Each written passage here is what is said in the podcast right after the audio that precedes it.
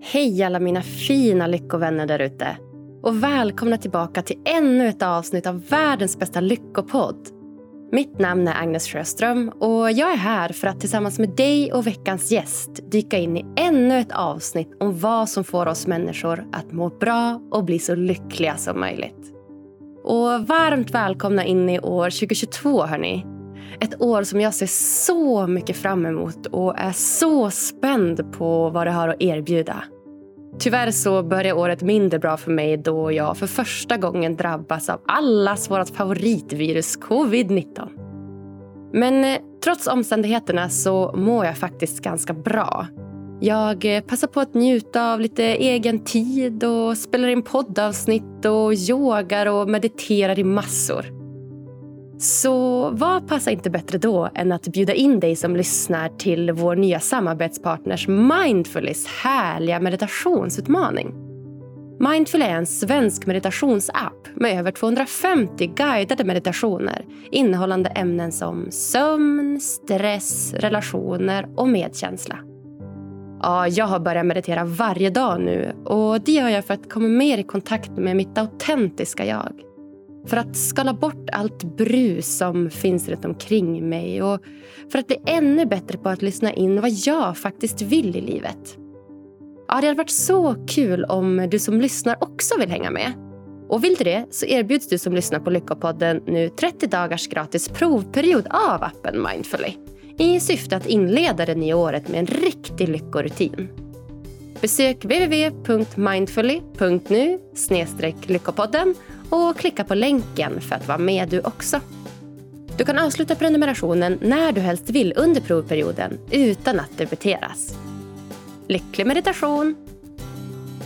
Idag gästar humörtränaren, relationscoachen och föreläsaren Jesper Karon Lyckopodden och avslöjar värdefulla lösningar till sex stycken vanliga relationsproblem som gör att du och din partner glider ifrån varandra. Ja, I över 25 år har Jesper varit lyckligt gift tillsammans med sin fru Malin. Tillsammans har de idag två barn och de beskriver sig själv som fortfarande nyförälskade. Jesper arbetar idag med bland annat parcoachning och berättar för första gången om en relationsmodell som han tycker hjälper par att hitta tillbaka till varandra efter tuffa perioder. Och utöver det så är Jesper en av Sveriges populäraste föreläsare idag och har föreläst för bland annat NASA, Saab och Swedbank. Ja, jag och Jesper vi skulle egentligen prata om nyårslöften och humörträning i dagens podd. Men vad är inte mer intressant än att prata om relationer? Vi dyker även in i ämnen som attraktion, varför dumma killar får alla snygga tjejer och varför trygghet är din sexigaste egenskap. Jag hoppas att ni ska njuta lika mycket av det här avsnittet som jag gjorde. Varsågoda!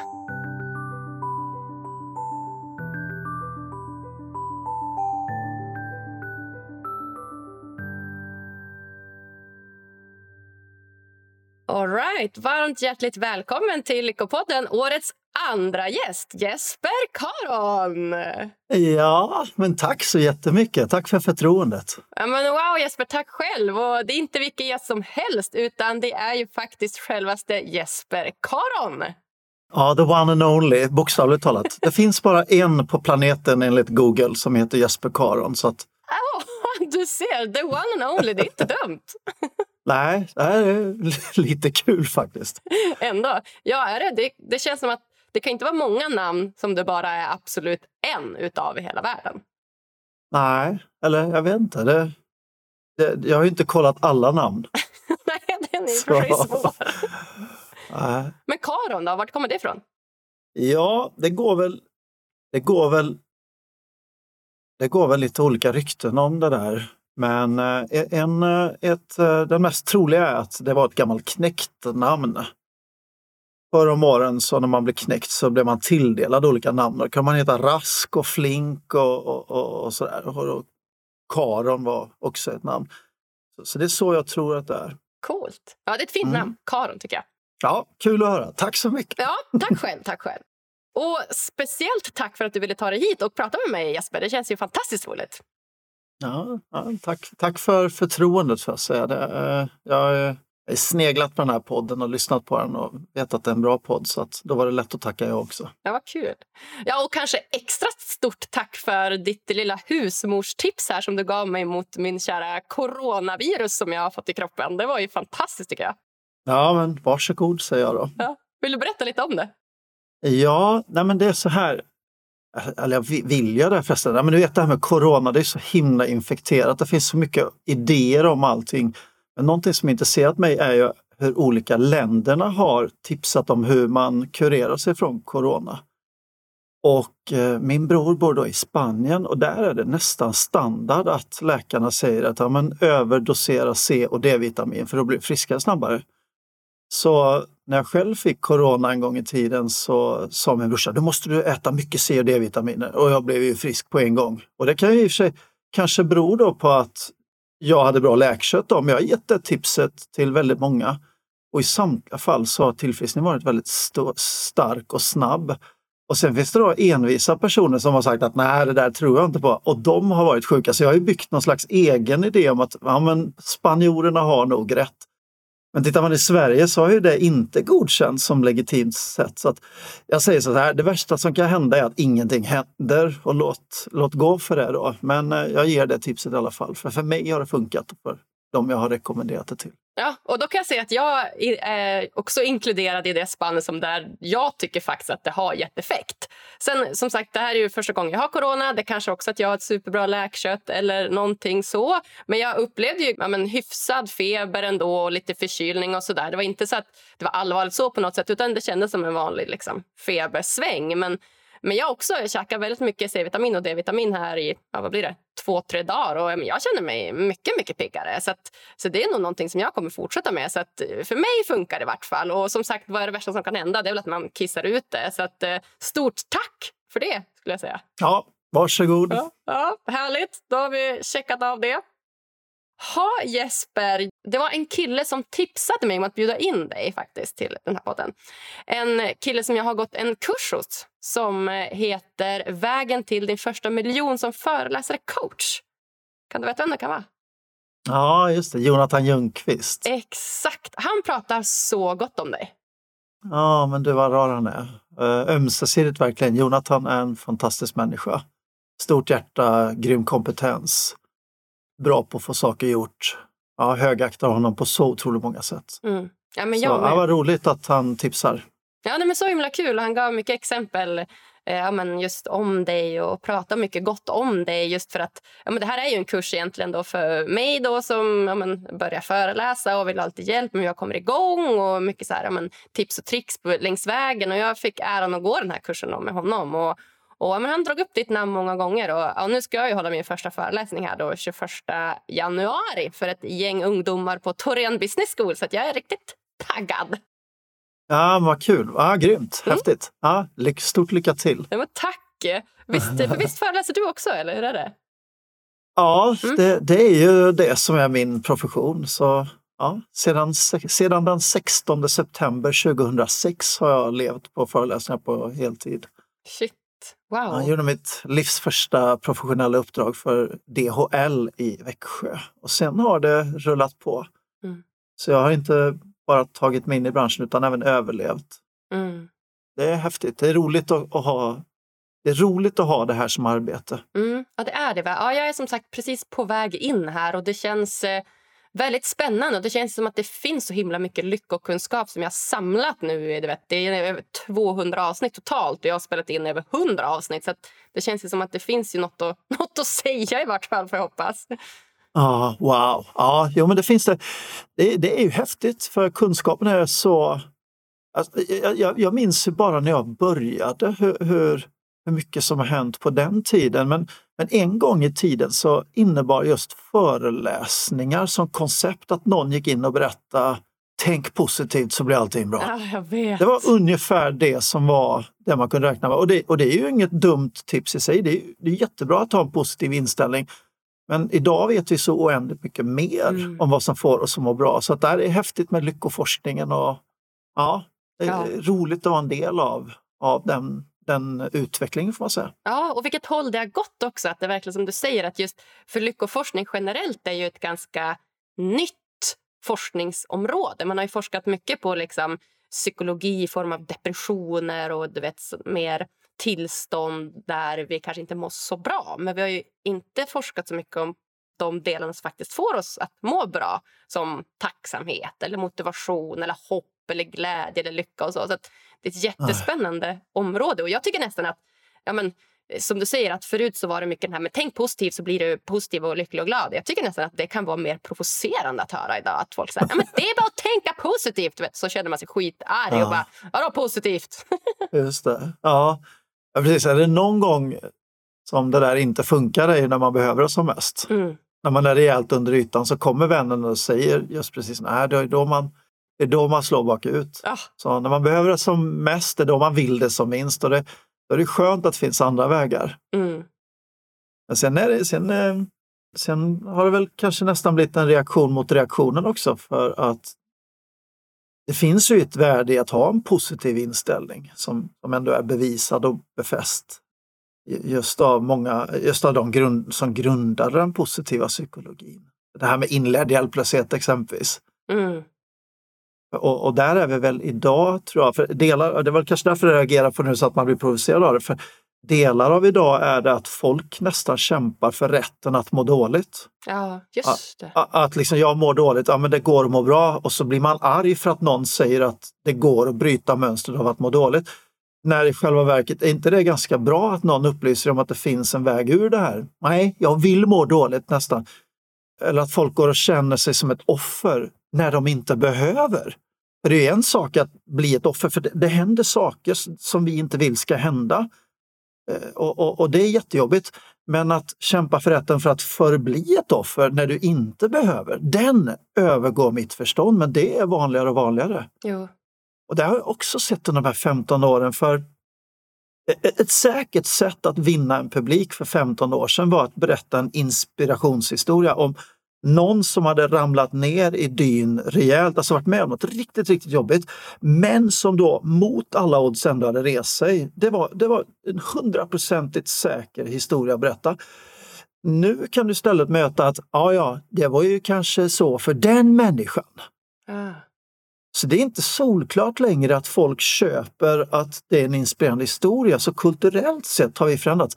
Vilket för mig innebär att jag är mer övertygad än någonsin att vår bransch behövs så otroligt mycket idag när man på något sätt kämpar för människors rätt att förbli offer. Att man tar så mycket hänsyn till det som har hänt att man glömmer av att det finns en väg ur. Ja, men det håller jag med om, att just den här offerrollen har, har växt på något sätt. Och, och att, som du säger, att man har rätt att må dåligt och man ska må dåligt. Och du vet att man nästan rättfärdigar det är ett väldigt bra ord. Att man rättfärdigar det för sig själv. Och jag kan ja, men, jag tror att det behövs lite, lite olika hjälpmedel för olika personer. där. Just för att, ja, men Som jag då, som kan bli lite provocerande och bara tänk positivt om jag vet, går runt och mår dåligt. Men det kan ju finnas andra saker jag kan göra då. Alltså Om jag ja. verkligen känner att jag är i ett negativt tillstånd. Ja, men jag kanske inte behöver höra att jag ska tänka positivt. Jag kanske måste gå ut och ta en promenad. Eller inte vet jag, ja, träna. Eller du vet, göra någon, något annat än just bara använda tankens kraft. För tankens kraft är ju superviktig, det vet vi. Och vi har ju en lite evolutionär uppförsbacke av att vi ska eller vi letar lite faror och hot och sådär. Så, den kan ju vara ganska svår att påverka och då tänker att då kanske man kan göra någonting istället som gör att man mår lite bättre. Så det finns olika vägar liksom, som passar för olika människor och olika tillfällen såklart. Ja men absolut. Och det, mm. och det är väl kanske det som är grejen, att bara för att det inte finns en lätt väg ur så innebär det inte att det inte finns ett värde att ändå söka en väg ur. Precis. Och det är väl kanske stora missförståndet just kring positiv attityd, att man tror att bara för att det finns en väg ur så måste det gå fort. Mm. Eh, eh, en positiv attityd för mig innebär inte att allting är bra jämt eller att man går och låtsas att allting är bra utan det är att man ändå, oavsett hur djupt man sjunker, ändå kan ha blicken upp mot dit man vill, vill någonstans. Mm. Utifrån det utgångsläge man ändå har. Och då, då, är det, då är jag med på noterna. Därför finns inte alltid en lätt väg ur, men det finns inte alltid en, en väg ur heller. Men det finns alltid ett sätt att se på det ja, där man är ändå. Mm. Ja men verkligen. Så himla spännande. Hur kom det sig att du blev föreläsare?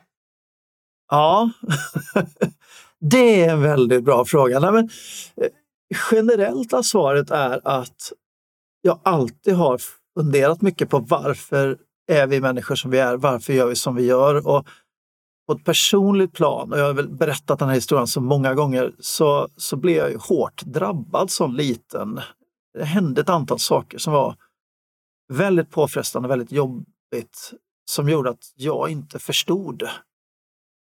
Och eh, bland annat så var jag med om en sak eh, på gymnasierna, men jag, jag, så som alltid när man kommer upp i tonåren, man vill träffa någon, bli tillsammans med någon, hormonerna funkar som de ska, ska man kunna säga då. Och, men jag fick aldrig till det där. Så jag gick hela skolperioden utan något egentligt förhållande. Så, och, men samtidigt så såg jag ju tonvis med andra killar som alltid hade förhållande, men de var riktiga praktarslen. Oh. Och då funderar jag på då funderar jag på hur kommer det sig att du kan vara en väldigt bra människa, generös, snäll, vilja väl, äh, ha ett gott hjärta och vara singel medan du kan vara totalt värsta svinet och så dras folk till dig i horder. Hur, hur, kommer det sig? Jag hade inte svar på det då, men, men det var väl också det som har varit så...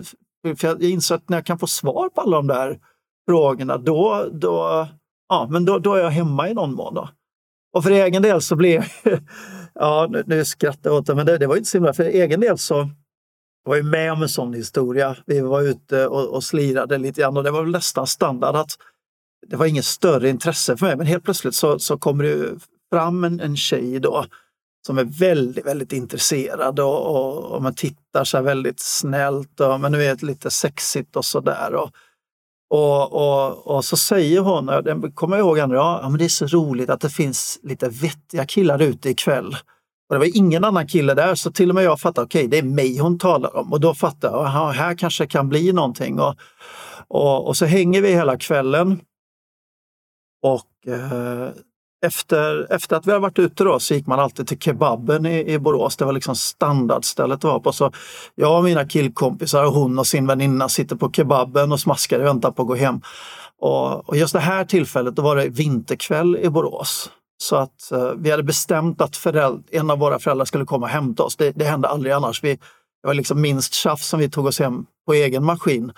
Men just den här kvällen hade vi bestämt att en, en förälder skulle komma. Och när, när, eh, när då Anders pappa i det här fallet kom och hämtade, då säger hon till mig att ni behöver inte ta med Jesper för honom ska jag ta hand om.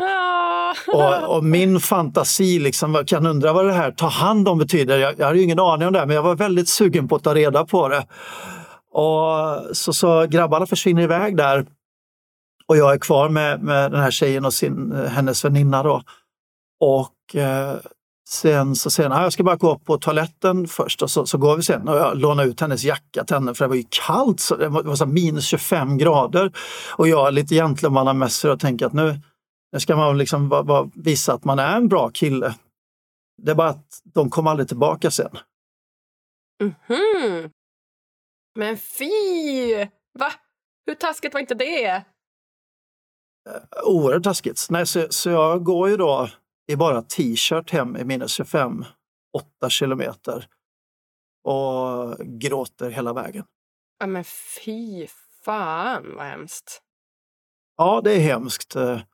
Och det är så utstuderat just eftersom Alltså det här är någonting som jag analyserat många, många gånger för det var liksom inte bara det var inte bara en händelse utan det var väldigt kalkylerat, väldigt planerat, väldigt avsiktligt, väldigt destruktivt på det sättet. Då. Exakt, det var väl det. Så en sak om det var typ en olycka, så här, oj hoppsan. Men det här var ju verkligen en utplanerad elak händelse. Det var ju helt fruktansvärt. Berätta, vad har du, vad du kommit fram till när du analyserat den här händelsen? Ja, Nej, men det, ja, där, där, och då så var det väl egentligen bara att det var väldigt, väldigt eländigt. Och, och, och jag, jag har för övrigt ett ärr efter alla de här tårarna torkade kvar i ansiktet än idag. Då, för att ja, det är inte bra att gråta i minus 25. Det, liksom, det blir till is och is blir till R och R sitter kvar.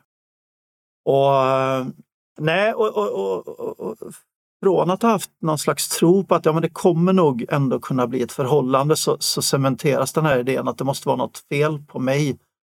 Så jag tror det är väldigt, väldigt personligt. Och, eh, och, eh, men, men det var också det som gjorde att sökandet någonstans intensifierades. Men någonstans så, så, så länge så, så, gjorde jag inga mer försök utan jag isolerade mig väldigt. Men, men det är klart, på ett biologiskt plan så även om du är bränd så vill du, har du fortfarande samma behov av, av närhet och tillhörighet och att uppleva kärlek och så här. Så, att, så, så då började jag leta, hur ska jag göra för att träffa någon ändå? Vilket är ett mer konstruktivt fokus. Och, och det var då den här idén föddes, att om jag bara blir rockstjärna så blir allting bra. Det kan ju tyckas ganska ytligt då, men, men eh, jag tittar ju, det var ju liksom med min primitiva logik och 18 år och inte mer kunskap än så, så, så såg jag ju det att rockstjärnor har alltid förhållanden. Så jag tänkte, det, blir man bara rockstjärna så löser sig det här med tjejer av sig självt. Men det var ingen dålig idé ändå, för att det gav mig åtminstone en riktning i livet. Det gav mig någonting att fokusera på. Det var första gången som jag verkligen kände att det här vill jag på riktigt. Jag hade kanske drömt om att bli det tidigare, men då blev det från dröm till verkligen ett beslut. Som besatt började jag att göra allting som krävs för att bli rockstjärna. Och eh, bland annat så fick jag en sån idé att åka och titta på alla internationella artister som kom till Sverige ett år. Mm. Bara för att se vad gör de? Vad är det som gör att de är bra eh, rockstjärnor? Och jag hade ingen aning om hur bra fundamentalt tips det är. Det är ett bra tips även i den personliga utvecklingen. Om du vill lyckas med någonting, titta på de som har det eller gör det eller kan det och försök att imitera dem. Då är det en ganska bra regel för att nå, om inte hela vägen, så åtminstone en bit på vägen. Och eh, det som förändrade hela livet var att jag gick och tittade på Michael Jackson bland annat, som, som då i alla fall var störst i världen och jag blev helt knockad av det han levererade på scenen. Och jag bara kände wow, det, det, här ska jag lära mig. Jag ska lära mig dansa, vilket var jättekomiskt då för, för jag hade kanske inget rörelsemönster som folk i allmänhet tyckte var särskilt bra. Men, men det spelar ingen roll, för jag ville i alla fall. Så, så jag började dansa som besatt. Jag kommer in på en artistskola, har fem års yrkesutbildning i artisteri nu och blir till sist rockstjärna får man säga. Och någonstans där på vägen träffade jag min underbara hustru Malin så att själva planen funkade ju perfekt. och vi har varit tillsammans i 25 år och är det 10 månader och sex dagar snart. Vad fint! så, så, så den planen funkar och eh, jag gör massvis med musikaler och uh, spelar in film. Vi ligger på Svensktoppen, ligger på Swedish Eurochart, är med i olika sammanhang jag breakar väl aldrig riktigt så, men, men jag lyckas överleva som artist i ett antal år och det är rätt ballt bara det. Mm.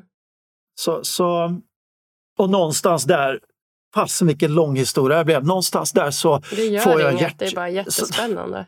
Så, uh, någonstans där så får jag en hjärtsjukdom då, så jag får lägga artisteri på hyllan, det går inte att fortsätta. Utan istället för att fundera på hur jag ska ta mig igenom det här så och där på allvar började jag fundera på hur gör man för att bemästra sitt mående. Mm. Och bland annat blev jag tipsad om att gå på just en föreläsning. jag hade ingen aning vad en föreläsning var. Men så gick jag där, men på något sätt när jag satt där i publiken så kände jag att, eh, att han talar ju direkt till mig den här föreläsaren. Vem var det då? Oj, ska vi se. Ja, men det, var, det där var väl Kjell Enhager som jag var och tittade på. Bästa Kjell. Ja, eller om det var Anders Haglund. Det, också, det var ett par stycken föreläsningar, men jag fick den här känslan att wow, det här är ju möjligt. Och när jag sitter där i publiken på de här föreläsningarna, jag ser Mia Törnblom också ska sägas, eh, en, en tidig upplaga av, av henne. Hon kan inte varit särskilt äh, gammal i branschen då. Men äh, där någonstans känner jag mer och mer att när jag har bemästrat den här hjärtoperationen, då vill inte jag bli artist längre utan där känner jag att jag ska fasen bli föreläsare. Det de gör, det vill jag också göra på scenen. Så jag bytte egentligen ett sceniskt yrke mot ett annat. Eh, och, och då insåg jag också att ja, men hur gör man för att lyckas? Och jag hade jättemycket glädje av både Kjell och Anders och, och Mia och Kai Pollak. Och, så jag frågade dem, hur gör man egentligen? Så jag fick så oerhört mycket bra tips av dem på hur man kommer in i branschen och vad man ska tänka på. Och, och eh, som jag sen haft väldigt mycket glädje av. Wow. Shit. Alltså jag tänker att vi måste bara dyka ner lite mer i det här. Det här var ju så himla spännande Jesper. Som du säger det här när man är ung och varför snälla killar inte får några tjejer men dumma killar, eller liksom såna klassiska douchebags, de får tjejer. Varför tror du att det är så? Ja, det finns många svar på den frågan. Min fru lanserade ju en slags hypotes en gång där hon skilde på giftaskillar och fuckboys. Okej, okay. giftaskillar och fuckboys. Ja, ja men det finns, finns killar som man vill bli tillsammans med, alltså ha ett förhållande med. Och så finns det killar som man bara vill ligga med. Mm -hmm.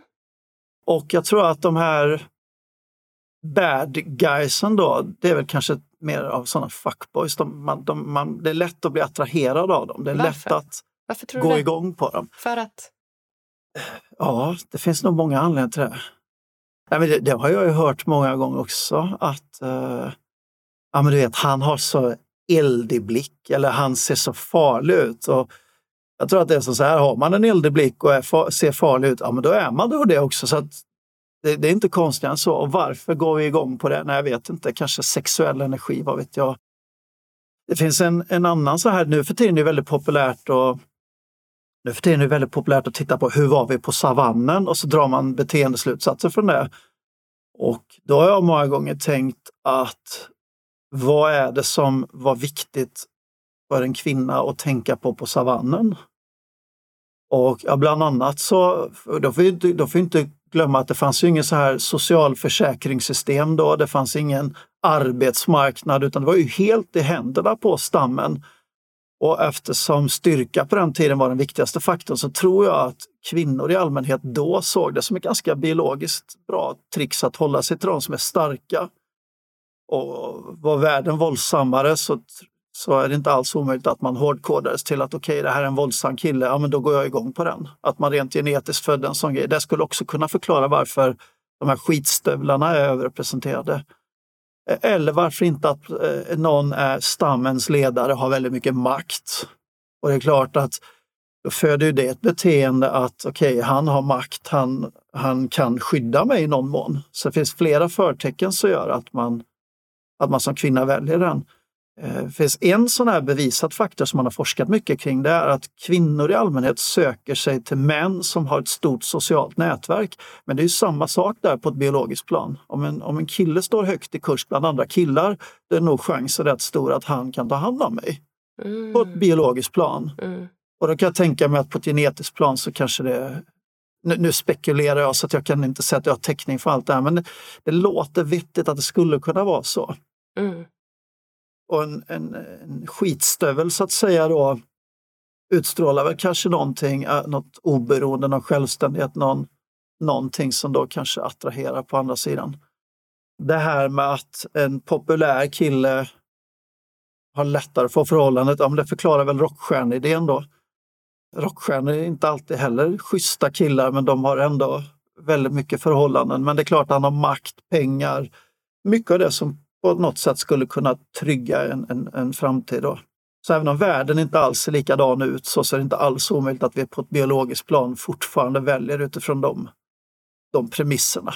Ja, det kanske är helt rätt i. Och jag, jag vill dra någon parallell till så här, ja, men som säger, det här ledarskapet och makten som man har. Att, att man liksom ser upp till någon person, alltså, som du säger, kanske har ett socialt stort nätverk eller som har makt eller som syns och hörs mycket. Men jag tycker någonstans ändå att det skiftet börjar gå mot att så här, istället för att eh, ledarna har en ganska dominant, eh, hård och liksom rak ledarskapsstil tycker jag ändå förändras. Att det går lite mer mot att man vill ja, men se till så att ens vad ska man säga då, de man leder mår bra och man checkar av vad behöver ni för att kunna liksom vara liksom prestera då i era sammanhang och så vidare. Att, man blir, att det går mot att vara en lite mer, så här, mer snäll eh, men ändå såklart bestämd ledare. Vad tycker du? Ja, det, det, olika ledarstilar gör sig gällande i olika sammanhang skulle man vara påstå. Mm. Jag gick en ledarskapsutbildning på Harvard eh, nu under pandemin. Jag har velat gå den väldigt länge men ja, har ju haft en karriär att tänka på men nu helt plötsligt så uppstod möjligheten där. Och det finns, eh, alltså om, om, en, om en grupp är väldigt utsatt, då behövs mer direkt ledarskap för annars så havererar gruppen. Men när ett system flyter på mer, ja, då behöver vi mer de mänskliga egenskaperna. Så, så kanske att om ett företag har fungerat väldigt bra, maskineriet sitter, ja men då behöver ingen gå in och dondera särskilt mycket utan då, då kan man leda med, med mjukare förtecken. Mm. Ja men så är det Det finns ju olika så... ledarskapsstilar, det är spännande. Och sen är det sen, kan man, ju vara, man kan ju vara för snäll också. Då ja. äter ju gruppen upp en. Så här, vi behöver högre lön. Ledaren bara, ja. Och så minskar lönsamheten så går företaget i konkurs. Det kan ju vara för snäll också. Ja. Det är inte heller bra. Nej men exakt, exakt eh. verkligen. Och det är lite olika också så här, ledarskap och attraktion. Det är kanske inte säkert att man så här, blir attraherad av, eller man kan ju bli attraherad av olika ledarskapsstilar också mm. kanske, men det kanske inte egentligen har med liksom, attraktion till personen att göra. Ja, just det. Ja, du är kvar i det här. Sen ska sägas också, det finns ju ett sätt, för det är ju någonting som jag har haft med mig också, för det finns ju någonting då som, som kan överbrygga det här. För då kan man säga, är det, är det, du har kört för en osäker människa. Jag menar, en osäker, snäll kille exempelvis. Nej, men det är det inte för att ett gott hjärta är också en egenskap. Men om, min, om du är osäker, om du utstrålar osäkerhet, då spelar det ingen roll att du är god, för på ett biologiskt plan så kanske någon vågar lita på dig i alla fall. Så kan en, en godhjärtad människa träna upp sig och vara säker i sig själv. Då behöver du inte sluta vara godhjärtad, då kan du ändå bli attraherande. Fint! Och det där har jag jobbat jättemycket med när jag relationscoachar jag ser ju nästan med en gång i ett par när en kille är för snäll. Och, och, vad som händer många gånger det är att tjejen eller kvinnan då i det här fallet tappar intresset för, för det är inget liksom, det, det, är inte kul att vara tillsammans. Det finns andra män som är mer spännande då. Så när jag lär mannen i det här fallet att bli mer säker på sig själv, då ökar attraktionen. Så det är en av faktorerna. Då. Så det måste inte vara ett svin för att lyckas med förhållanden. Nej, eh, det, det där kan jag verkligen relatera till. Just den här eh, tryggheten. Att, att så länge du är, ja, men som du säger, du kan vara liksom, ja, men säker och trygg i sig själv. Det är ju väldigt attraktivt i sig. Alltså att en, en kille då, eller tjej kan jag tänka mig, men jag då som är attraherad av killar. Att, att så länge alltså någon är trygg och säker i sig själv och vet, liksom, står bakom sina värderingar och tycker och, och tänker och liksom ärlig och öppen med det och är liksom, ja, men vågar vara sann, då det är attraktivt. Ja, för det är mod. Det, det är ju autenticitet. Då, mm. ja, om det nu finns, nu pratar vi väldigt stereotypt om manligt kvinnligt, det finns, det är ju en, det är som all energi, det finns ju kvinnor som har väldigt mycket manlig energi och män som har väldigt mycket kvinnlig energi. Så det finns ju, det finns ju undantag från det och så finns det fler än två kön, i alla fall i den politiska världen idag. Men rent biologiskt sett så, så finns det två kön att utgå ifrån. Då. Men eh, och, och det är också någonting som är viktigt att ta med sig. Nej, men att vara, vara stark och trygg i sig själv, att våga, våga vara sig själv, det är också någonting som attraherar.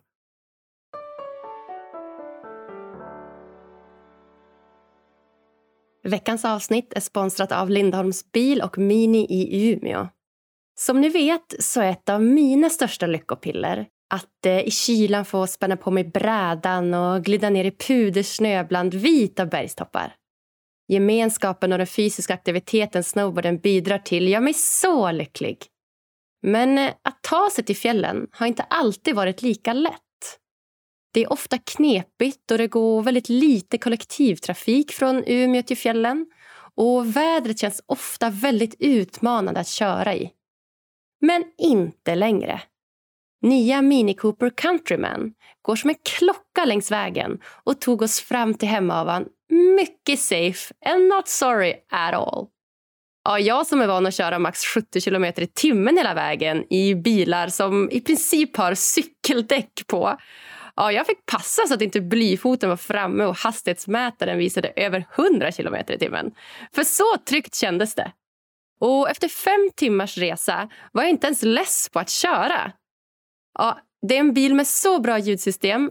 Den går på både el och bensin. Det finns smart laddningsfunktion och inbyggd värmesystem som ställs in via timer så att du enkelt kan köra en varm bil på dagarna.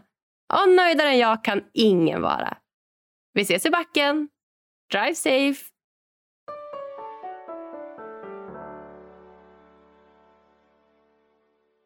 Det tycker jag är så spännande för att någonstans är vi flockdjur så vi vill ju göra som flocken gör. Alltså, vi vill ju bli omtyckta och då är det så himla lätt att försöka göra och bli som andra uppskattar. Alltså att man kanske förändrar sin personlighet lite grann just för att passa in i den här gruppen. då. Men att, att där någonstans skifta fokus, alltså tillbaka till en själv och bara så här, men vad är viktigt för mig? Vad är viktigt för mig? Jag kommer ju attrahera folk som då tycker som jag eller som liksom, eh, men vill vara i min, i min flock. Och Det tror jag många behöver påminna sig om. Och just också när det kommer till attraktion. Att så, här, så länge jag är, är trygg i mig själv och gör det jag står bakom och det jag tycker om så kommer jag attrahera folk som, som håller... Alltså både sexuellt och vänskapligt och på alla plan liksom, som, som är lik mig på något sätt. Yep. Ja. Eh, jag gjorde en undersökning om det här. Jag såg en modell just kring Eh, men i Sverige så ett tag, det har ju luckrats upp, men ett tag så var det ju alenarådande att män och kvinnor egentligen bara, det är någon slags social konstruktion att, att det här beteendet egentligen bara är kulturellt präglat. Att, att vi uppfostrar barn, barn utifrån om de är killar eller tjejer olika och därför blir olika.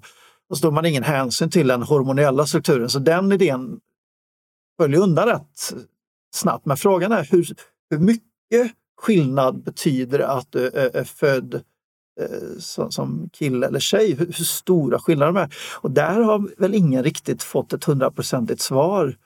Men jag gjorde en egen undersökning för, för det här, för jag såg en modell just där där det visar sig att hur, ja, hur får man ett förhållande att funka? Och då påstås att tre, tre, tjejer hade, det var liksom tre akilleshälar för tjejer. Mm -hmm. Som om, om inte det finns då tappar en tjej eh, liksom, intresse.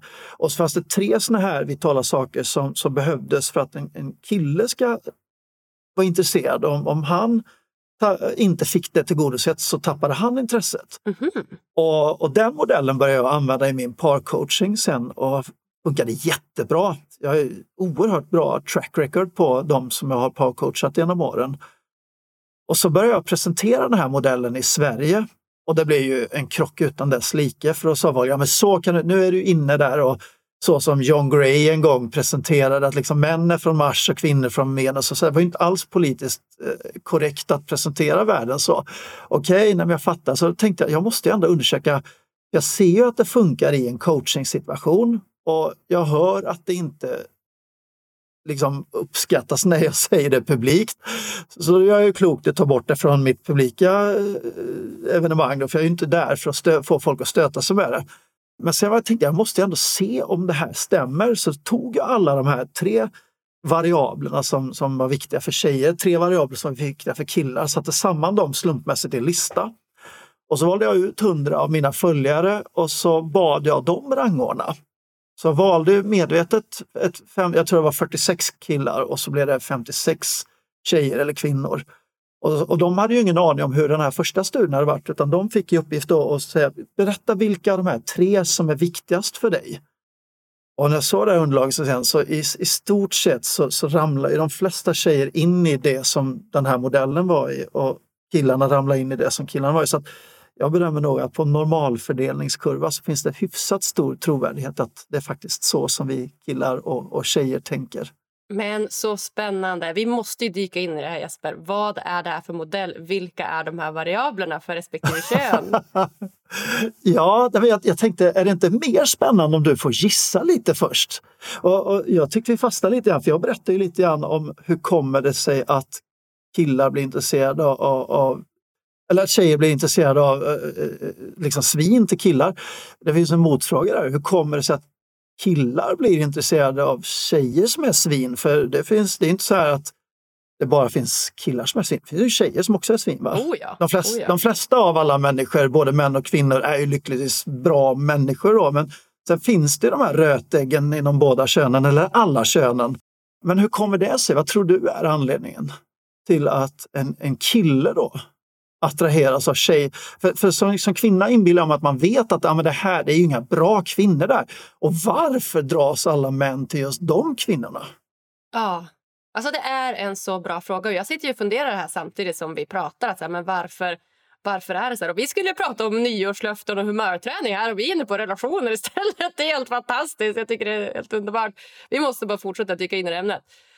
Um, varför varför män faller för kvinnor som är då rötägg eller vad man ska kalla det. Alltså, det enda jag liksom tänker på det är att, att det här, jag tror att när man är ett sånt där rötägg eller vad man ska kalla det, eller en douchebag eller en kvinnlig douchebag eller vad det är. Det grundas ju i någon slags osäkerhet vill jag tro.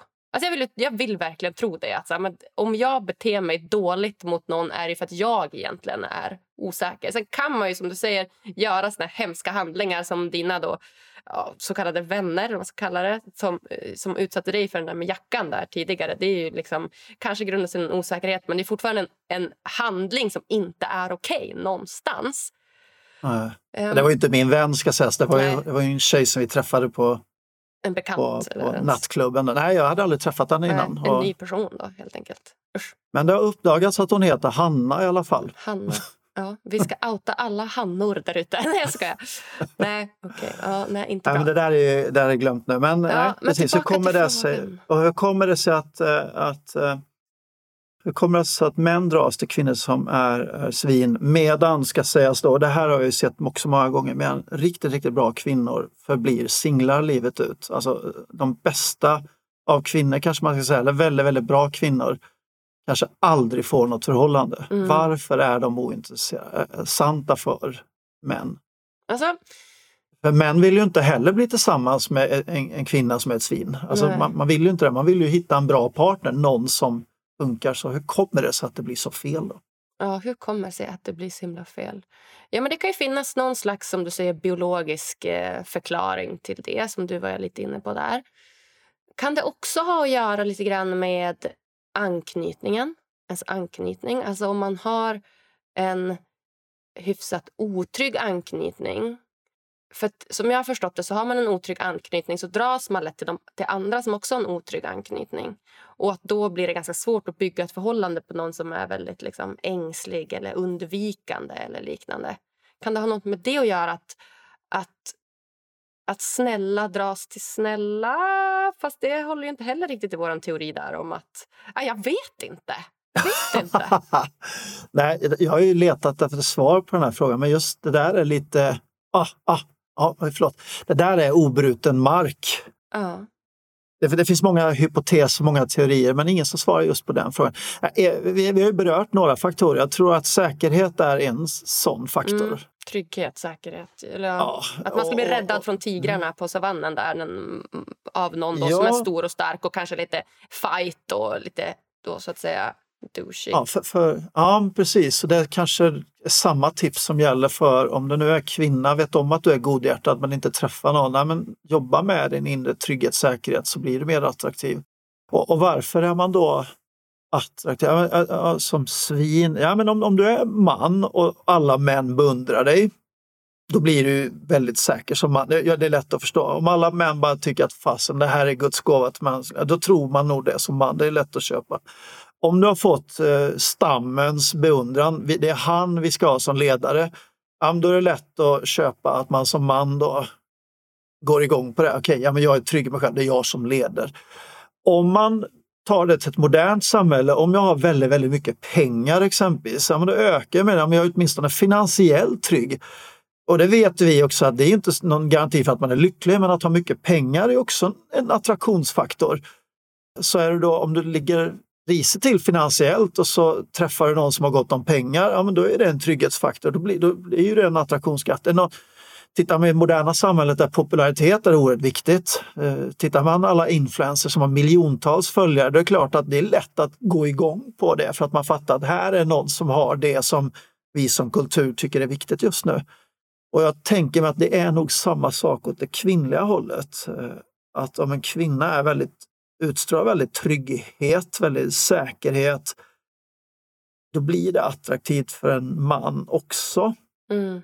Nu smakar på det, för jag har aldrig hört mig själv säga det innan. Men, och, och är det då en, nu talar vi om kvinnliga svin här då, som, som egentligen har onda avsikter. Ja, vad, vill, vad vill en kvinna då? Ja, det är väl att kanske lura av mannen på pengar eller få mannen att göra allting för henne då eh, på ett väldigt omoget sätt. Mm, utnyttja lite. Ja. Nej, så jobba med sin trygghet och sin säkerhet. Och sen kom vi in på den här modellen också. Alltså modellen, må, vi måste få veta mer om den här modellen. Alltså tre variabler som är viktiga för tjejer slash killar för att det, bli Mm. attraktiva eller skapa relationer? Eller vad, Ja, vad, vad som gör att man tappar bort varandra i ett förhållande. vad som gör att man tappar bort varandra i ett förhållande? Mm. Och eh, någonting som är eh, oerhört viktigt för en kvinna det är att eh, om du inte känner dig sedd som kvinna, Mm. då är det inte kul längre. Då, då, ja, men då, då, då är det lite början på slutet. Det känner jag igen. Alltså man vill ju verkligen känna sig uppskattad och sedd och att mannen ser en, alltså ser en med de ögonen som man gjorde liksom från början. Att så här, shit vad du Ja. är vacker. Ja, för, i- för i början är vi jättebra på, vi är Ja. höga av de här eh, neurotransmittorerna. Så Ja, ja, vi, vi, vi är ju jättebra på att göra allting rätt i början. Men sen när de här är över, då måste vi göra det av egen maskin. När vi inte har hormonerna till vår hjälp längre på samma sätt. Då. Ja, nej, men check på den. Jag skriver under direkt. Bli sedd. Ja, och, och, och då kan man ju vända på det. Men tycker inte man som man att det är viktigt att känna sig sedd? Jo, men det gör man också. De, de var också med när jag gjorde min egen undersökning. Det fanns män som också svarade, satte de, men inte lika ofta som kvinnor satte det på sin topplista. Mhm. Så, så jo, nej, men jag vill också känna mig sedd som man, men det fanns andra saker som var viktigare tyckte jag. Mhm. Så, så det är viktigt att komma ihåg det, att det, det är inte så här stereotyp manligt kvinnligt utan kvinnor högaktade att, att, att det var viktigare för en kvinna att känna sig sedd än det var för en man. Lösning för alla män då, om man nu har en kvinna som inte känner sig sedd, men se till att ge henne din totala uppmärksamhet så ofta du bara kan. Och det behöver inte vara att du umgås jämt utan det är att du visar i det lilla. Det är så oerhört enkelt. Det räcker med att skicka ett sms, en bild när du ler kärleksfullt. Det är så små saker som, som, gör, att, som gör att du föder det att okej, han tänker på mig nu. Mm. Det är inte svårare än så. Nej, verkligen inte. Att inte känna sig förstådd. Som kvinna. Som kvin- ja, att, att kvinnan inte känner att den man lever med förstår henne. Och det kan ju finnas många sätt att inte känna sig förstådd. Det ena är att mannen vägrar lyssna. Att liksom, måste du snacka om det där nu? Eller att, det var ju som någon sa, alltså, fast vad vi är stereotyper, jag vet inte om folk kommer hata när vi sitter och pratar på det sättet. Men, men jag hoppas att folk verkligen hör det mellan Jo, raderna också. Vi får Nej, verkligen men- säga det att det här är stereotyp. Det finns såklart skillnader och det här är inte hela sanningen men det här är en modell som finns som kan förklara då en del av, av problemet. Ja men, ja, men jag hörde, det var ganska roligt, jag hörde på Youtube häromdagen. Det var så att kvinnor i allmänhet känner på tok för mycket. Och män i allmänhet kanske känner på tok för lite. Man borde kanske jobba mer med sitt känsloliv som man. Och som kvinna kanske man behöver lite grann säga åt sig själv och morska upp sig själv ibland så man inte tror att alla känslor på något sätt är verkligheten. Då. Mm, mm. Ja, men det är lite emotionell kompetens det där egentligen. Ja, lite grann så. Så som vi skiter i om det är man eller kvinnor så kanske lagoma korvar är bäst på något sätt eh, när det gäller känslolivet. Då. Ja. Nej, men inte känna sig förstådd. Nej, men lös, lösningen då, det är alltså verkligen ge äkta närvaro. Och det här har jag varit skitdålig på genom åren för min, min fru, ända tills jag själv började jobba med dels parcoaching och såg att de här mönstren gick igen. Då först förstod jag hur viktigt det var. Men också lite grann för att jag såg att det funkade. När, när, jag, verkligen- när, när jag ser, för det är lätt att se på sin partner om han eller hon mår dåligt, och om man tittar på riktigt då, om man är närvarande. Och när jag ser det i Malin, det är då jag på något sätt inser att nej, fasen, stanna upp nu Jesper. Eh, jag vet att jag har min agenda, jag vet att jag har massvis med saker som jag måste göra, men att åtminstone försöka ta in det hon, hon säger, så hon, hon åtminstone ser att jag försöker förstå om jag inte lyckas fullt ut. Och det finns ju jättemånga bra sätt att kolla av, dels att man förstår, men också visa att man faktiskt försöker förstå. Det är ju att försöka återkoppla det som Malin i det här fallet säger. Då. Om hon säger, ja men det är så här nu och då kanske jag kan säga, okej, alltså fast vad jobbigt det låter, är det, och så får jag förklara vad, vad hon precis sa och, och om hon nickar då, då vet jag, okej, hon har förstått. Men i samma ögonblick så förstår jag också att hon känner sig förstådd eftersom jag inte bara tog in, lyssnade, utan jag uppriktigt verkligen ville ta in hennes värld också. Fint. Det är nog jätteviktigt. Och vilken är den tredje där som kvinna då? Att man inte känner sig trygg eller att man kan lita på sin man. Mm. Och då kommer ju det här dilemmat med det här eländiga våldet som är så förbannat påtagligt just nu. Och det här såg jag ju under pandemin inte minst. Jag som har så otroligt många följare på framsteg så då kom det upp till ytan. När folk skulle leva isolerade i en lägenhet på ett sätt som man inte hade gjort och så kanske man har tråkigt och så dricker man lite alkohol så börjar man bråka så lappar mannen till kvinnan. Det är ju, alltså då känner man sig inte trygg. Då måste du dessutom vara isolerad, berövad från dina basala behov och dessutom ha en partner som du inte kan lita på längre. Men det återkommer också till det här med att, och det här ser jag i mitt och Malins förhållande också, att Malin är mycket, mycket mer beroende av att känna sig finansiellt trygg än vad jag är. Jag kan tycka det är lite spännande att ta risker på ett sätt som Malin känner att wow, ska han verkligen äventyra våra pengar nu? Så, så där är det lite annorlunda. Då. Men lösningen då? För, för det är inte alltid man kan. Ja, vad, vad gäller det här med våld så, så är det easy peasy. Liksom, ge fan i att slåss. Liksom. Det, det, är inte svårare än så. Det, det, det, är liksom ingen människa som ska behöva bli slagen på något sätt någon gång. Och det, då är vi inne på ansvar, där skulle vi kunna säkert tala flera timmar om, men många människor tar ju inte det ansvaret. Ja, men jag råkade bara. Nej, men fan, det håller inte. Det du kan inget. inte bara råka. Bara. Ja, men jag hade ju druckit sprit. Ja, men gör inte det då. Nej. Ja, men det är så svårt att låta bli. Nej. Ja, precis, då får du jobba med att låta bli. Det finns ju alltid en nivå av ansvar för att inte få det att hända. Absolut. Eh, så, så det är inte schysst. Och sen, sen likadant så jag hörde jag, menar, jag hörde någon som sa att vi måste sluta uppfostra män att slå kvinnor. Det hörde jag någon politiker som sa och då tänkte jag för mig själv, det har jag aldrig varit med om. För det här är någonting som i alla fall män, nu är det olika kulturer, men som jag vet, och jag har frågat så många män, har du någonsin blivit uppfostrad att slå kvinnor? Nej, alla män tar på hakan. Nej, nej, nej, det finns inte en chans på kartan. Det är någonting man lär sig tidigt, det är att man slår inte en kvinna. Så alla män vet det. Det är ingenting vi behöver uppfostra om, utan vi behöver snarare på något sätt få män att mogna i det här hänseendet. Så att man klarar av att leva på den nivån som man vet är rätt. Man kan inte komma som man och säga att jag visste inte att, det, att man inte fick det, för det vet alla män. Mm, alla män vet bokstavligt talat ja. att man inte slåss. Det kan man inte missa. Och det har ju hänt några gånger, jag minns under uppväxten, för när man är liten och inte är så omogen och så blir det tjafs på rasten, då, då händer det i skolåldern att även killar slår en tjej. Är det någon gång man blir ratad som kille så är det just då. Då, då vänder alla killar den ryggen och då lär man sig den hårda vägen att shit, det här var inte bra. Så, så ja, det här, nej, så hur får man en, ja, men hur får man en känna trygg? Det är ju att ge, ja, men ge uppmuntran, vara tydlig, ge bevis. Och, och, och, det här var någonting jag tyckte var skitjobbigt då, för jag har ju min egen verksamhet och jag vill gärna fatta besluten där. Så jag var lite störd när Malin skulle in och lägga sig i min verksamhet, för hon jobbar inte i mitt bolag. Men någonstans, eh, och det är ju fortfarande så att jag gör vad jag vill i min firma, men det innebär inte att jag inte kan låta henne vara en del på resan så att hon kan känna sig trygg under tiden. Det ena behöver inte utesluta det andra. Så om jag ska göra väldigt stora investeringar, vilket jag gör ibland, och köpte en ny hemsida här för ett par hundratusen. Och det är klart, under pandemi, inte så mycket orderingång. Jag, jag fattar att eh, om jag inte tar in henne på det så kommer hon vara orolig över det. Så, så det är bättre att jag förklarar. Jag har för avsikt att göra det här med de här pengarna därför att jag vill att det ska leda till det. Så att om hon ser att det finns en bra plan för det. Att, att, Men inkluderandet, att, alltså det vill att ja. inkludera varandra. Det är det som gör att man blir trygg och att man berättar om saker som händer.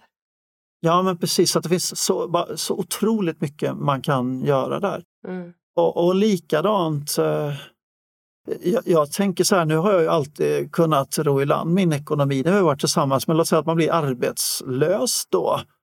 Om man har en partner som tycker det är viktigt att man eller där man behöver känna sig trygg och så säger man att den partner man lever med inte söker några nya jobb. Då skapar det en otrygghet för att vet man någonstans att snart är du utförsäkrad och har inga inkomster. Så ett sätt att få sin partner att känna sig trygg då är att hela tiden vara aktiv i att söka jobb, göra det som krävs för att positionera sig på arbetsmarknaden. Eh, liksom inte förfalla ner i någon slags eh, livsstil där man går upp klockan 12 och så tittar man på tv och så händer ingenting utan på något sätt markera för sin partner att okej, okay, jag må vara arbetslös nu, jag har inte hittat något jobb, men jag gör fasen allt jag kan för att hitta ett. Mm. Då tror jag att man som partner blir trygg också. Verkligen. Så för kvinnan då, att man blir sedd, att man inte känner sig förstådd och att otrygg lita på. För mannen då? Vilka är de viktiga, tre viktiga variablerna där? Mm. män hatar att bli kritiserade. Mm. Och det här är så roligt, för det, jag vet inte, jag och min fru har haft det här samtalet många gånger. Nej, men jag försöker bara komma med tips. Men i min hjärna landar det som kritik. Så sanningen är ju den att nej, men jag, om jag inte har bett om något tips, då vill jag inte ha något. För om jag vill ha hennes tips, då, då, då ber jag om det. Men om hon är då missnöjd med någonting, hur vill du att hon ska ta upp det då utan att det blir kritik? Ja, för det första måste man ju ha en dialog huruvida hon har rätt eller inte. Är ju, vi är ju två personer i ett förhållande. Men ibland finns det ju inte rätt och fel. Nej, man har olika åsikter. Ja. Nej, då får man ju diskutera om det. Ja. Eh, Nej, men just det här med kritik, eh, nej, men det är klart ibland finns det befogad kritik. Mm. Är du med? Och ibland så, så kanske det bara är att man vill ha det på ett visst sätt. Ja, att man bara vill säga det på ett sätt. Alltså att det behöver inte vara så här...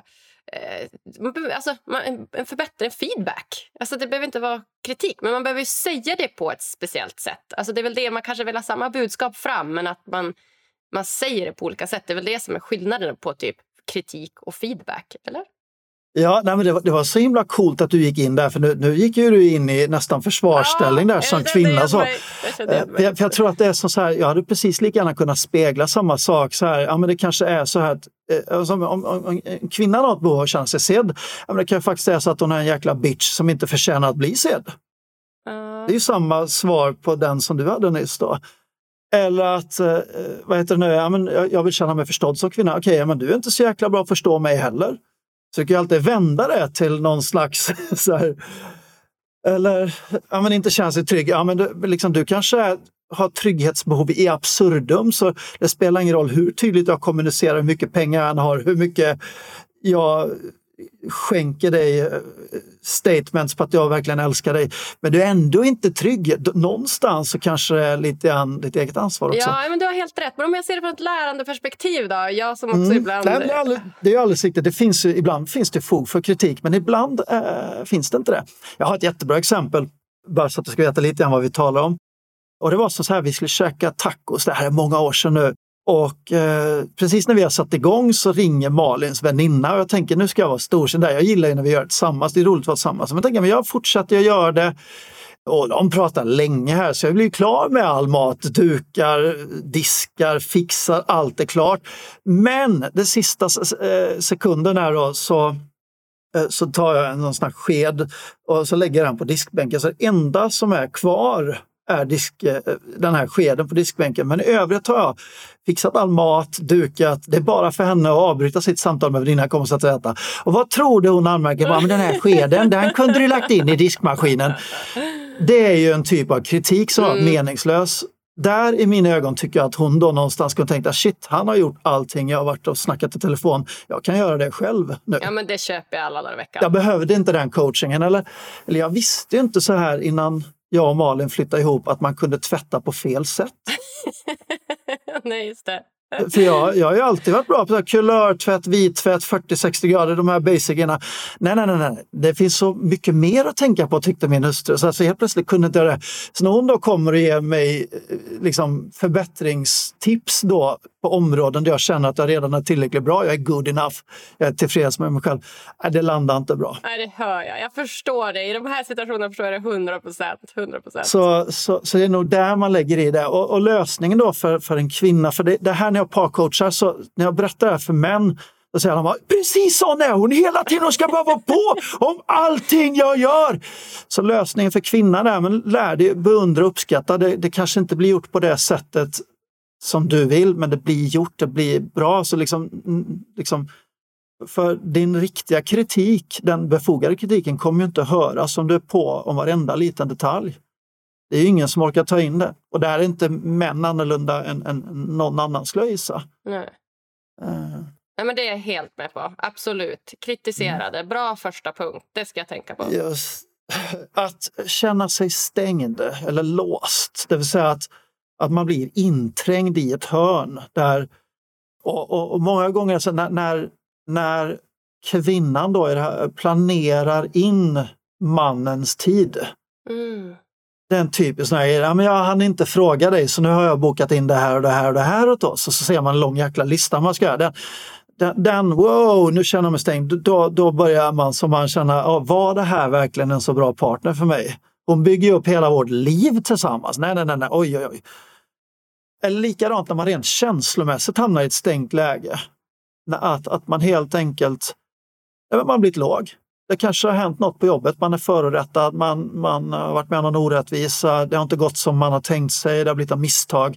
Man sitter där ganska stängd, sluten i sin egen tanke och så kommer partnern och inte accepterar det i någon månad. Liksom. Ja, men du måste rycka upp dig nu.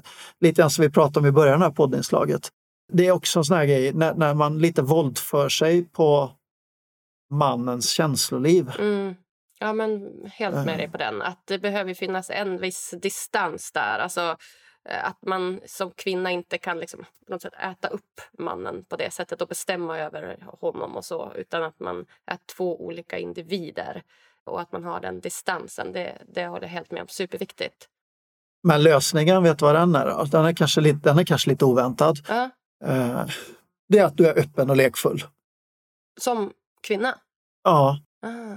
För, för det mannen behöver där då många gånger, och det har jag sett mig själv. Malin har blivit så, sen vi gick igenom den här modellen, Malin har blivit så jäkla grym på det här måste jag säga. Så det var en sån grej där hon var, äh, hon tog inte mig rätt där. Men när jag är stängd, om hon kommer och är öppen, lekfull, sprallar, busar, älskar, alltså frigör hela sin kvinnlighet bara på det här sättet som jag är så himla kär. Nu börjar jag gråta för hon, hon är så fantastisk min underbara Malin. Wow. Eh, Men, men när hon gör det, i min hjärna så är i princip nästan varje gång allt det som var jobbigt innan glömt. Ja, För då, för då, då rycker hon upp mig genom att hon, ja, hon är den här enorma kvinnliga kraften som jag älskar så himla mycket. Mm. Wow. Så, så, så det som hade kunnat bli ännu värre, att hon strör salt i mina sår, kan hon med bara, genom att vara den här lösa upp på en millisekund. Och vilken härlig lösning för en kvinna. Att bara få vara lekfull och busig och kärleksfull och vet, vara lite kvinnlig. Det är ju helt fantastiskt. Ja, ja jo, men absolut. Det är väl det, det är skönt att det inte är svårt. Mm. Verkligen. Nej, eh, nummer tre, känna sig kontrollerad. Ja, där kommer kontrollen. Ja, och, och det här var någonting som jag inte riktigt förstod innan. För, för Malin, och det finns ju alltid, fast vi kan inte gå hem och svara. Malin har, alltid varit så här att då kunde hon ringa mig, vad gör du? Så här, ja, men det ska du skita i. Jag tänkte liksom, jag, jag, jag är på jobbet. Eller, och, så när jag var riktigt så här, inte förstod det här, då kunde jag ju Svans svara ganska arrogant mot henne. Liksom, det har inte du med att göra. För, för någonstans, så, det är ju lite grann min manlighet hon inte och inte gräva. Eh, eller så svarar jag ganska kort, ja, vad, vad gör du gör nu? Så här, men jag jobbar. Det är ganska vagt, det säger inte så mycket. Så, så, så, så att, att man blir kvävd av att någon ska kontrollera en. Det vill säga raka motsatsen mot det här med att känna sig sedd. När jag ringer Malin på jobbet, då blir hon glad. Mm, Så, så det är precis tvärtom där. just det. Spännande.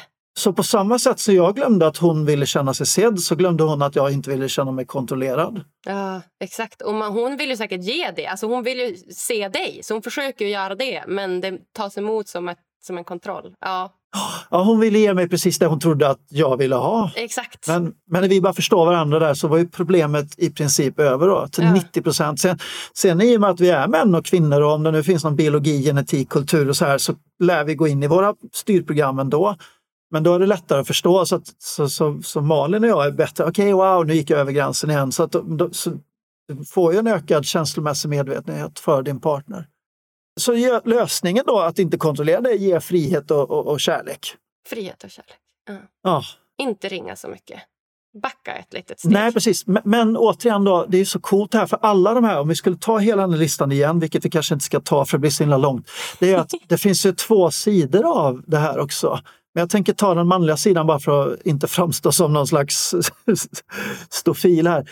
För på samma sätt som Malin ringer och jag blir störd av det så kan jag ju ta in det också. Jag behöver inte gå in i det utan okej, hon ringer, hon gör det bara för att hon älskar mig. Det känns inte som kärlek, jag kryper hela mig.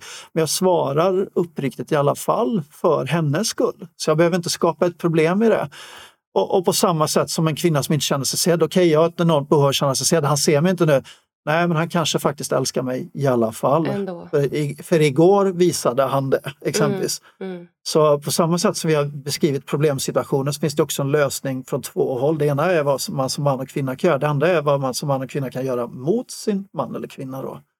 Jättebra modell, eh, använder den hur ofta som helst när jag coachar och i princip varje gång så med den här modellen så har man vunnit halva, halva coachingen. Ja, nej men verkligen. Jag kan ju också känna igen mig så mycket av det här. Så det, det, verkligen. Och som du säger, det är en, en, en modell och den är väldigt stereotypisk när det kommer till de olika könen. Och, och så. Det är klart att det kan vara olika för män och kvinnor och, och så vidare. och så vidare. Men det är en bra utgångsmodell tycker jag. Vad kallar du den för?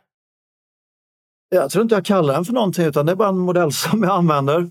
I mina papper står det vad gör, man, eh, vad gör att man tappar bort varandra? Ja, just det. vad gör att man tappar bort varandra? Ja, snyggt. Ja, Jesper, det var så spännande. Tiden flyger iväg och jag är, ja, jag är jätteglad att vi landade i lite relationssnack du och jag och attraktion och den här modellen. Det var helt, helt fantastiskt. Jag Aha. tänker att vi ska hoppa in i de sista frågorna här innan vi lämnar varandra du och jag. Mm. Och eh, Den första frågan då som jag brukar ställa då som en avslutande fråga till mina gäster det är ju då vad gör dig riktigt lycklig? Ja men wow, det, det är så otroligt mycket som Malin, gör mig verkar det som. lycklig. Ja, relationer, kärlek. Alltså jag är kärleksjunkie. När jag känner mig älskad så det behövs inte mycket mer. Mm. Och det behöver inte vara stort på något sätt utan det räcker med att, att jag bara känner den här kraften av, av kärlek. Och det ser olika ut hur den visar sig, men det, är små, små, små, små... Ja, men, eh, alltså Malin gjorde en sån här jättebra grej. Det, var, det finns olika sätt att få folk att känna sig älskade. Men jag går ju väldigt igång på upplevelser, så när Malin så att säga, i smyg hittar på lite bus eh, och det blir en upplevelse av det och gärna någon som då som passar det jag tycker om, ja, men då, är det, då är det ett stort sätt att visa att man, att man uppskattar Malin å sen, hon gillar inte alls upplevelser. Hon, hon gillar mer när jag spontan städar och så här.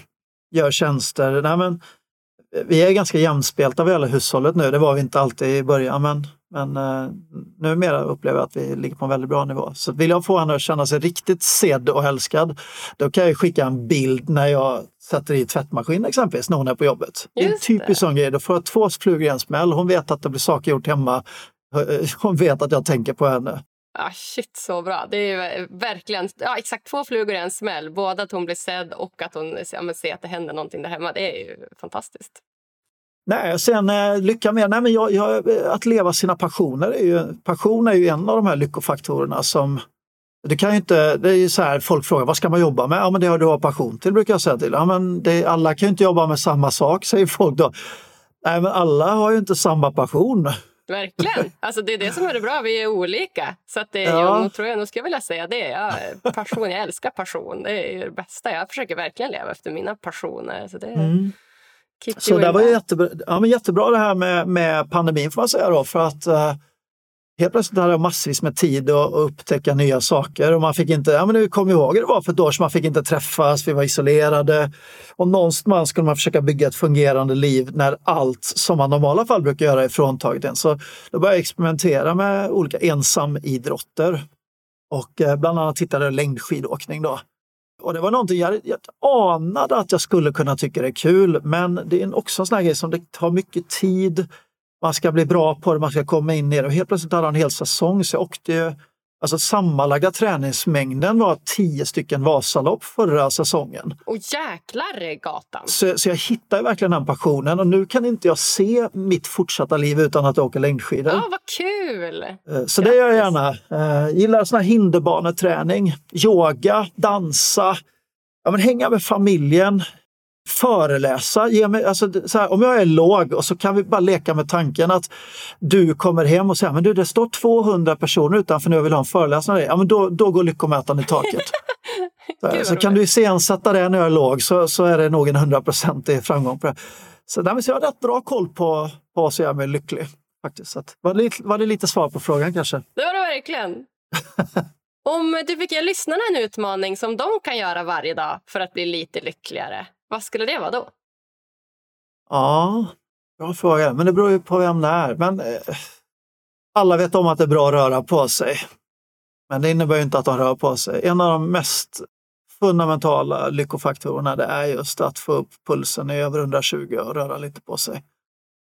Och det behöver inte vara märkvärdigt. Det behöver ta ett träningspass, ta en promenad, ta ett yogapass. Liksom, välj en träningsform som är kul och, och se till att utöva den. Väldigt bevisat. Behöver inte, behöver inte stå några rekord eller liksom bevisa något utan bara se till att få upp pulsen för det sätter igång hela systemet. Då.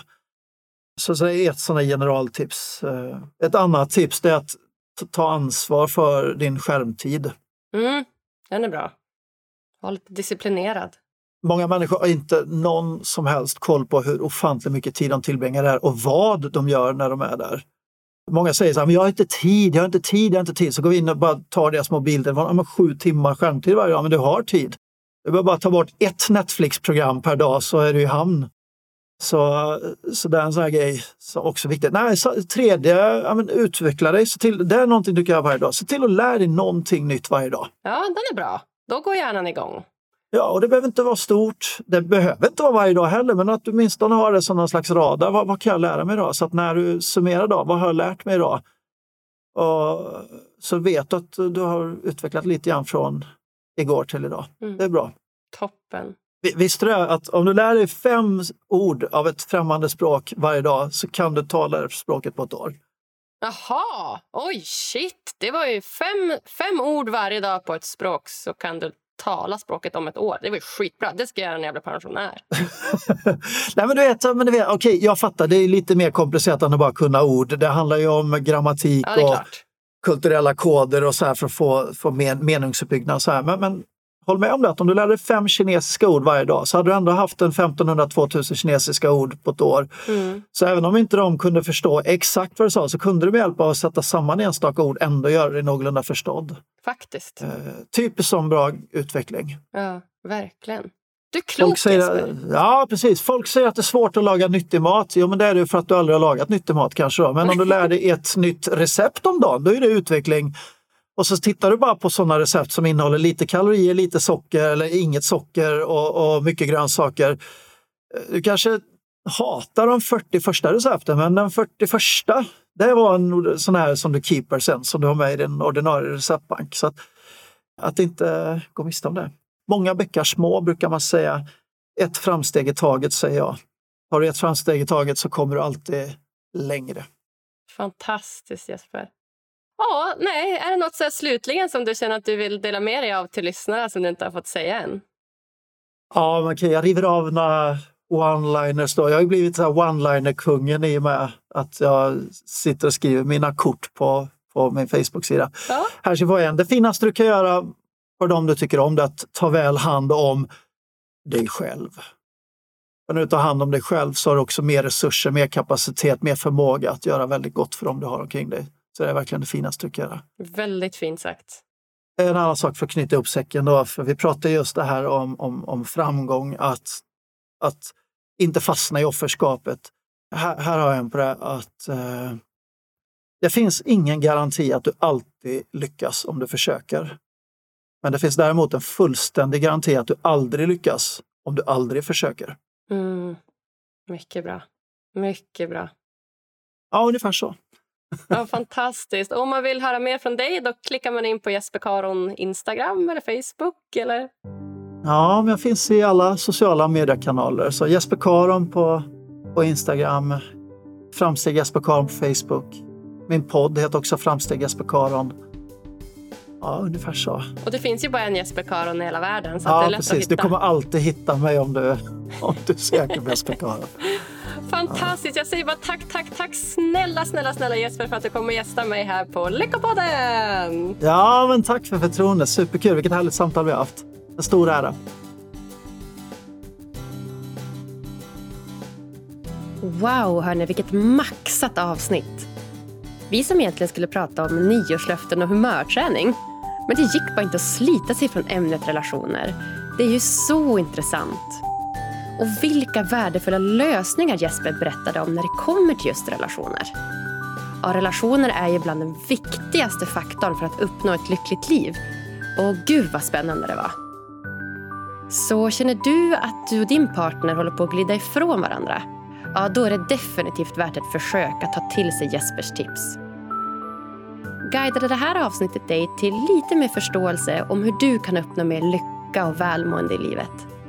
Ja, då hade jag blivit så glad om du ville gå in på Podcaster-appen och lämna en liten kommentar om vad du tyckte om podden. Ge oss gärna så många stjärnor som du tycker det avsnittet förtjänar också. Och om du missat det så finns vi också på Instagram, Facebook och Twitter. Där heter vi Lyckopodden. Ta hand om er nu finisar, så hörs vi på tisdag igen. Puss och kram!